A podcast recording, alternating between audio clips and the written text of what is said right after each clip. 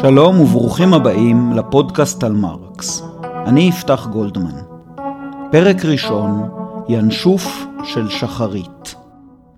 למרקס יש פסוק מפורסם שנקרא בשפתם של המרקסיסטים התזה האחת עשרה על פוירבך.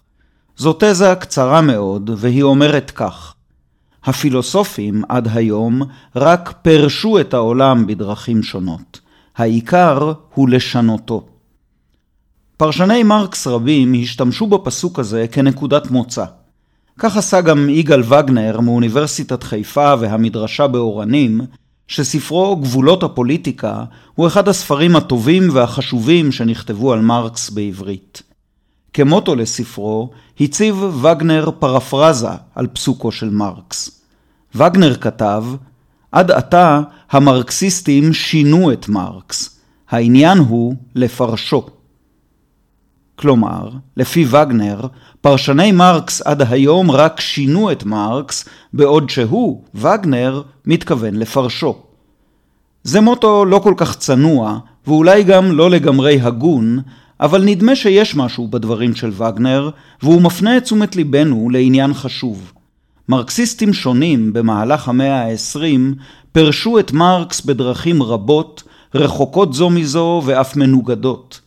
עד כדי כך שאפשר לשאול האם הם מפרשים את מרקס או משנים אותו באופן שיתאים להשקפתם שלהם.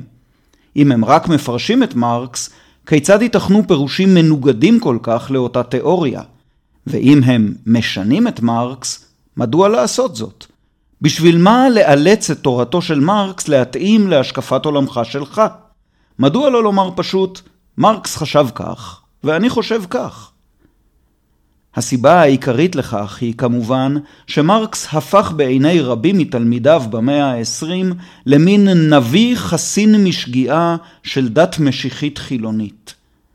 לכן צריך היה להצדיק כל עמדה פילוסופית או מהלך פוליטי בהסתמך על כתבי מרקס, ממש כשם שהיהדות ההלכתית מתאמצת למצוא בחמשת חומשי התורה את הצידוק הסופי לכל פסיקה. כך למשל טוען לנין בחיבורו המדינה והמהפכה שמרקס תמיד היה ונשאר צנטרליסט. זה בוודאי נכון לגבי לנין עצמו. לנין אכן היה צנטרליסט לכל אורך דרכו הפוליטית. הצנטרליזם החמור שהנהיג במפלגתו היה אחד הגורמים החשובים ביותר שאפשרו לבולשביקים להשתלט על המהפכה הרוסית ואחר כך לשלוט ברוסיה. אבל האם היה מרקס צנטרליסט? בראשית דרכו נראה שכן, אבל בערוב ימיו חל שינוי ברור בהשקפותיו. לנין הכיר היטב את חיבורו של מרקס, מלחמת האזרחים בצרפת, שנכתב כעשור לפני מותו של מרקס, ובו הוא מתאר מבנה מבוזר מאוד, דה-צנטרליסטי מאוד, של הממשלה המהפכנית. היו בהחלט גם פרשני מרקס אחרים זהירים יותר, מפוקחים יותר, או פשוט ישרים יותר. אדוארד ברנשטיין למשל לא חשש לומר שהרוויזיה, הבחינה מחדש, שהוא מציע לערוך בסוציאליזם, כוללת גם תיקון לכמה מטעויותיו של מרקס. ובכל זאת, אני חושב שרק לעיתים נדירות פרשניו של מרקס שינו אותו במתכוון, כצעד מניפולטיבי מחושב. יש הסבר אחר, מוצלח יותר, לתופעת ריבוי הפרשנויות של מרקס. מרקס פשוט היה הוגה מעמיק מאוד ורחב יריעה מאוד.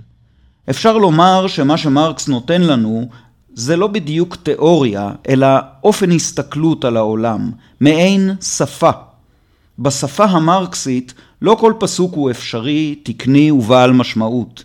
כך גם בשפה העברית או האנגלית, ובכל זאת, יש אין ספור פסוקים תקניים שרבים מהם מנוגדים זה לזה, שאפשר לומר בעברית או באנגלית. כך גם בשפה המרקסית. אם נמתח את השימוש במטאפורת השפה רק עוד קצת, שפות שונות מאפשרות לנו להגיד דברים שונים. יש דברים שהשפה לא מאפשרת לומר, ודברים אחרים שהיא כופה עלינו לומר. חישבו למשל על עברית ואנגלית. העברית מכריחה אותנו להגיד את מינו של נושא המשפט כשאנחנו בוחרים את צורת הפועל. רוני שבר את הספל. לעומת רוני שברה את הספל.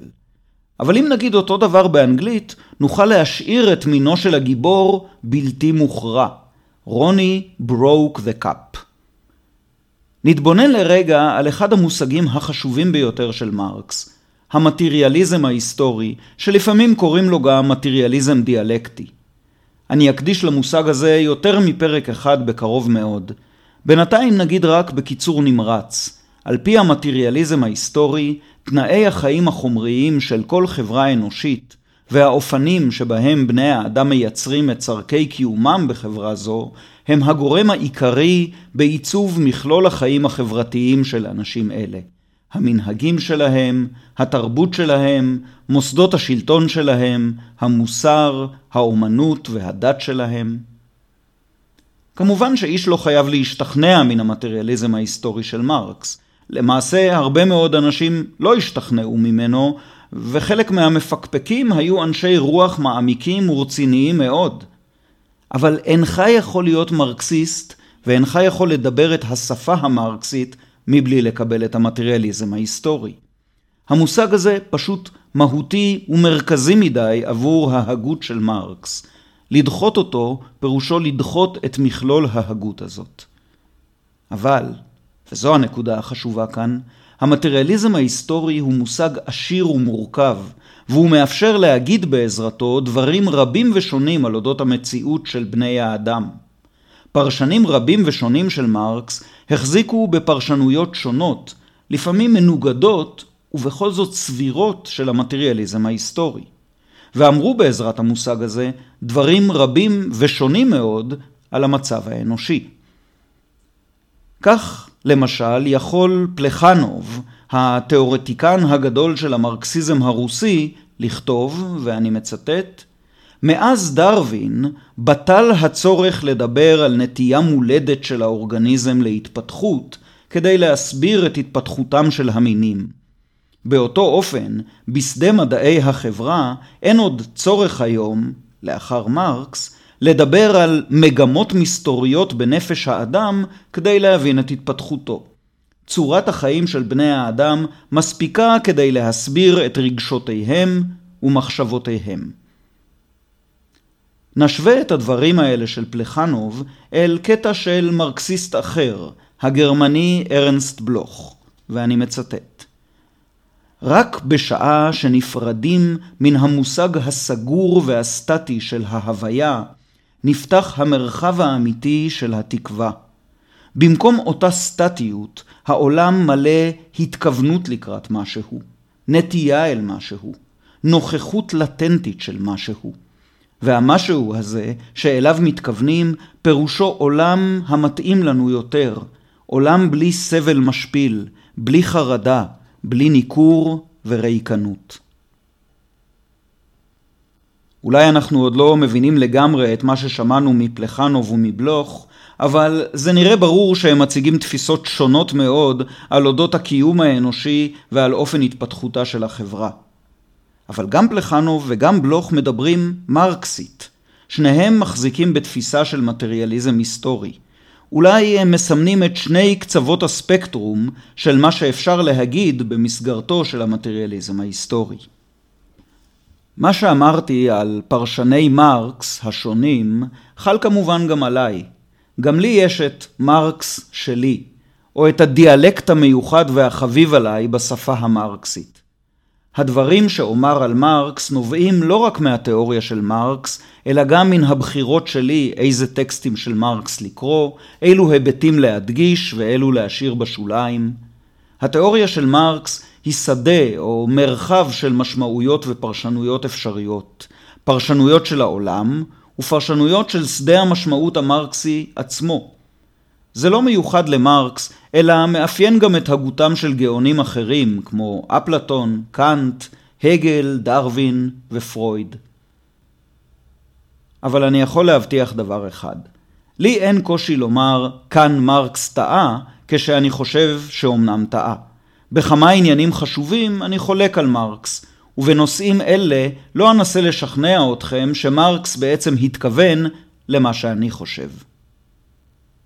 כשאני מביט מתחתית הסולם של פרק מבואי זה על הפרקים המתוכננים בהמשך הפודקאסט על מרקס, נדמה לי שמה שאנסה לעשות בפרקים הראשונים הוא להקנות לשומעים את כללי היסוד של השפה המרקסית, את התחביר והדקדוק שלה. אחר כך, ככל שנתקדם ונלמד, נוכל כבר לקרוא משפטים ופסקאות שלמות בשפה הזאת. אולי אפילו לספר סיפורים קצרים. ובכך נראה לי שמתחתי את המטאפורה של השפה המרקסית אל הקצה, והגיע הזמן להניח לה. מרקס היה גאון, בכך אין לי ספק, אבל הגותו לא הופיע out of nowhere. מרקס שאב השראה משלושה זרמים הגותיים חשובים, מן הפילוסופיה הגרמנית, ממחשבת הנאורות הצרפתית וממדע הכלכלה הבריטי. מכל אחד מן הזרמים הללו קיבל מרקס חלקים חשובים בתורתו, אבל הוא גם חולל תיקונים חשובים, אפילו מהפכניים, בכל אחד מהם. אני ממש לא הראשון המציג את מרקס ברוח זו. ככל שהצלחתי לבדוק, הראשון שאמר זאת היה לנין, בטקסטים שכתב בשנים 1913-1914. אגב, כשאני אומר הצלחתי לבדוק, כוונתי ששאלתי את רענן שמש פורשנר, ידיד הפודקאסט על מרקס. רענן יודע כנראה הכל על כל טקסט שנכתב בסוציאליזם, וגם על המון טקסטים אחרים, ואני בטוח שהפודקאסט על מרקס עוד ייעזר בו בעתיד. אסביר בקצרה מה קיבל מרקס מן הפילוסופיה הגרמנית, ממחשבת הנאורות הצרפתית ומתורת הכלכלה שפותחה בעיקר באיים הבריטים. מה קיבל מהן ומה תיקן בהן. נתחיל מן הפילוסופיה, שהיא המגרש הביתי שלי וגם הייתה נקודת המוצא האינטלקטואלית של מרקס, שהשלים דוקטורט בפילוסופיה בשנת 1841 בהיותו בן 23. מרקס היה תלמיד של הפילוסופיה הגדולה שנוצרה בגרמניה בסוף המאה ה-18 ובראשית המאה ה-19. עמנואל קאנט היה אביה של הפילוסופיה הזאת, שאנו מכנים בשם הקולקטיבי האידיאליזם הגרמני. הפילוסוף הגדול גאורג וילהלם פרידריך הגל הציג בהגותו את שיאו של הזרם הפילוסופי הזה, ומרקס היה תלמיד של הגל. לא תלמיד ישיר, שכן הגל נפטר כשמרקס היה רק בן 13, אבל מרקס למד את הפילוסופיה של הגל בקרב חוג אינטלקטואלים שכונו ההגליאנים הצעירים או ההגליאנים השמאליים בגלל השקפותיהם הליברליות. אמרתי קודם שאחד המושגים המרכזיים בהגותו של מרקס הוא המטריאליזם ההיסטורי. עוד אמרתי שהגל היה הפילוסוף המובהק ביותר של האידיאליזם הגרמני. כל מי שיודע משהו על פילוסופיה, יודע שמטריאליזם ואידיאליזם הן שתי גישות עקרוניות מנוגדות. אז מה למד מרקס, המטריאליסט, מן האידיאליזם של הגל? הגל היה פילוסוף של ההיסטוריה. הוא טען שהמציאות בכלל, והמציאות האנושית והחברתית בפרט, נתונה לתהליך מתמיד של התהוות, השתנות והתפתחות. גם דברים שנראים לנו כנצחיים או סטטיים אינם כאלה באמת, יש להם היסטוריה. ועוד, ההיסטוריה מתפתחת מתוך סתירותיה הפנימיות של כל תקופה היסטורית.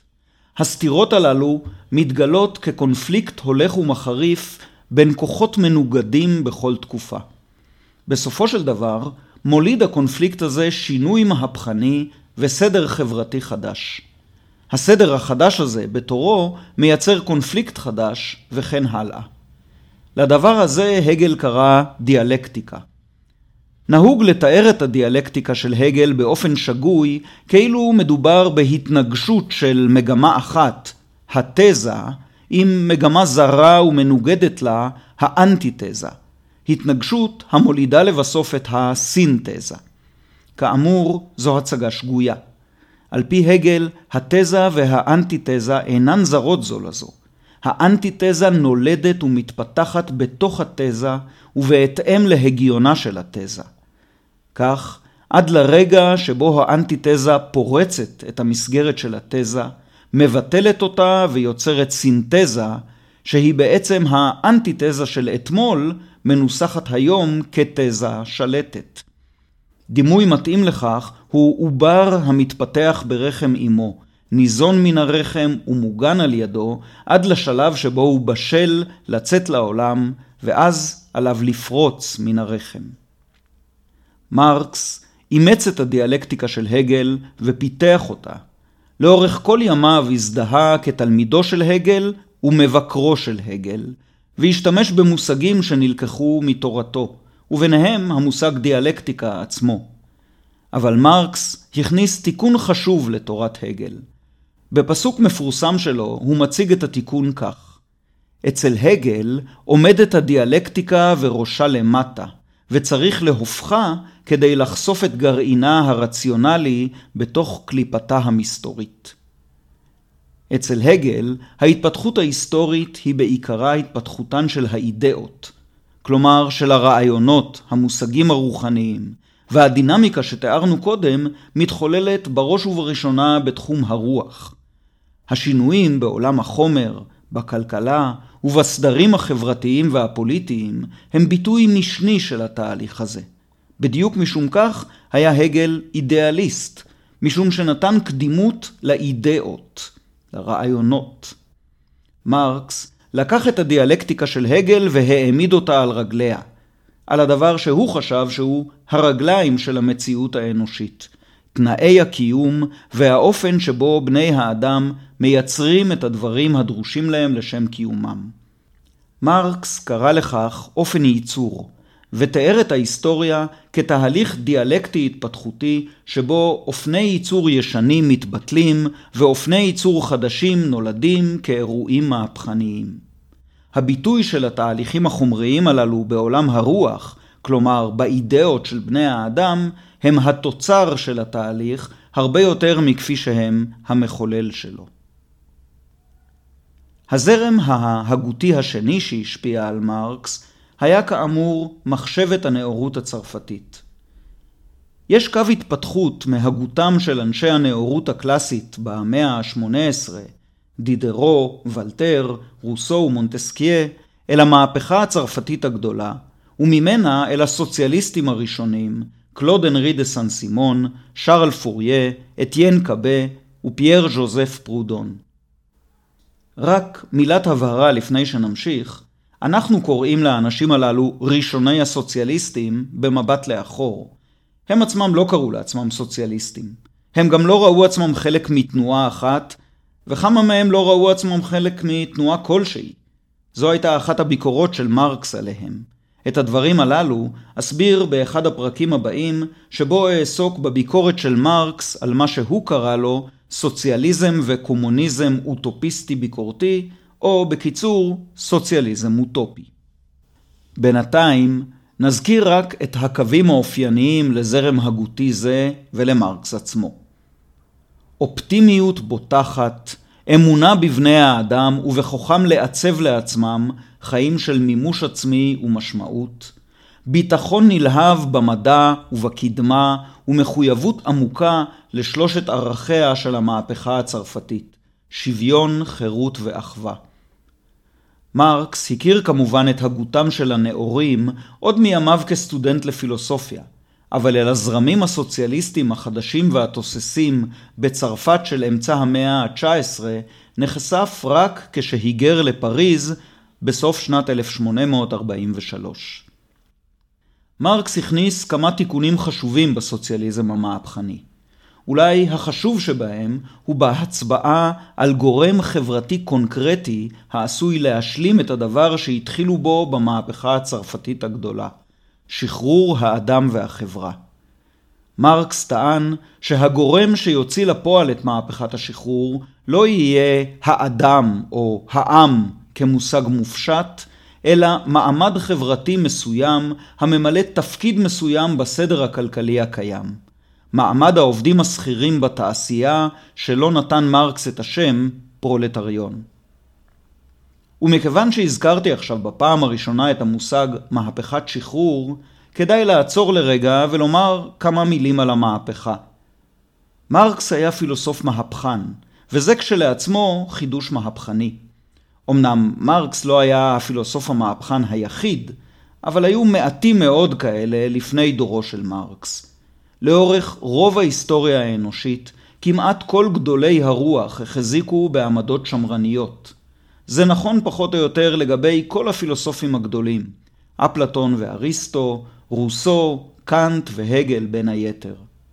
מהפכה, ובפרט מהפכה של המעמדות הנמוכים כנגד האליטה, נראתה בעיני אנשי הרוח האלה כסכנה לציוויליזציה, כשיבה לברבריות, כפריעת סדרי עולם והפרת חוקי המוסר והצדק. בתנ"ך, המילה מהפכה מופיעה שש פעמים. בחמש מתוכן, המילה משובצת בצירוף המפחיד מהפכת סדום ועמורה. והשישית לא טובה יותר. ארצכם שממה, עריכם שרופות אש, אדמתכם לנגדכם, זרים אוכלים אותה, ושממה כמהפכת זרים. גם בלשונות האירופיות, המילה מלמדת אותנו משהו. רבולושן פירושו בערך סיבוב לאחור או חזרה לאחור, כאילו כדי לומר לנו שעל מנת לקבל לגיטימציה נאלצת המהפכה, התנועה קדימה, אולי אפילו הקפיצה קדימה, להתחזות לשיבה אחורה. בדומה לאופן שבו המהפכה התרבותית שחוללו במדינת ישראל מנהיגיה של החרדיות המזרחית, הוצגה על ידיהם כהחזרת עטרה ליושנה. הזרם ההגותי השלישי שהשפיע על הגותו של מרקס הוא תורת הכלכלה הבריטית. מדע הכלכלה המודרני נברא לקראת סוף המאה ה-18, והשמות הבולטים שלו, אדם סמית, דיוויד ריקרדו, תומאס מלטוס וג'יימס מיל, היו כולם אנגלים או סקוטים. היו כמובן גם כלכלנים בצרפת ובמקומות אחרים, אבל אנגליה הייתה גם הארץ המתקדמת ביותר בעולם מבחינה כלכלית, וגם המרחב התרבותי שהוליד את פריצות הדרך המשמעותיות ביותר במדע הכלכלה. והקשר בין הדברים אולי מובן מאליו. הדבר החשוב ביותר שמרקס למד מן הכלכלנים הבריטים היה תיאוריית הערך של העבודה. זהו תרגום עברי שגוי אך מקובל למה שבאנגלית נקרא Labor Theory of Value, ולכן תרגום מדויק צריך היה להיות תורת העבודה של הערך. אבל אני אשתמש בשם המקובל, תורת הערך של העבודה, כדי לא ליצור בלבול יתר. את היסוד הפילוסופי לתיאוריית הערך של העבודה הניח הפילוסוף האנגלי הגדול ג'ון לוק כמאה שנים קודם לכן, כאשר קבע כי עבודת האדם הופכת את מתנות הטבע לבעלות ערך. שדה בור למשל הוא קרקע חסרת ערך. מצב זה משתנה לאחר שהעיקר סיכל את השטח, חרש ודישן אותו. עבודת העיקר היא שיצרה לאדמה ערך בבחינת אדמה חקלאית, אדמה מתאימה לגידול יבולים. ג'ון לוק הסיק מכך מסקנה על אודות הצדק. הטבע הלא מעובד ניתן על ידי האל לכל בני האדם ואינו רכושו הפרטי של איש. העבודה המקנה ערך לטבע הגולמי גם הופכת אותו לרכושו של העובד. האדמה שייכת לעיקר שאיבד אותה, השולחן לנגר שבנה אותו, וכן הלאה. כמובן, לאחר שהנגר בנה את השולחן, הוא יכול למכור אותו לאדם אחר תמורת כסף, או תמורת מוצר אחר הניתן בחליפין. כך השולחן הופך לכאורה ממוצר לסחורה. הכלכלנים של סוף המאה ה-18 וראשית ה-19 ניסחו את תיאוריית הערך של העבודה כתיאוריה כלכלית. מחירו של כל מוצר שווה, או לפחות אקוויוולנטי, לכמות העבודה שהושקעה בייצורו. ככל שמוצר מצריך עבודה רבה יותר, כך מחירו יהיה גבוה יותר. המחיר בעצם משקף או מגלם בתוכו שעות של עבודת אדם. היו סוציאליסטים ואנרכיסטים במאות ה-19 וה-20 שהציעו בכתביהם סדר חברתי מתוקן שבו הכסף מגלם רק שעות עבודה. על כל שעה של עבודה חברתית מועילה מקבל אדם תו קנייה בעל ערך של שעה אחת.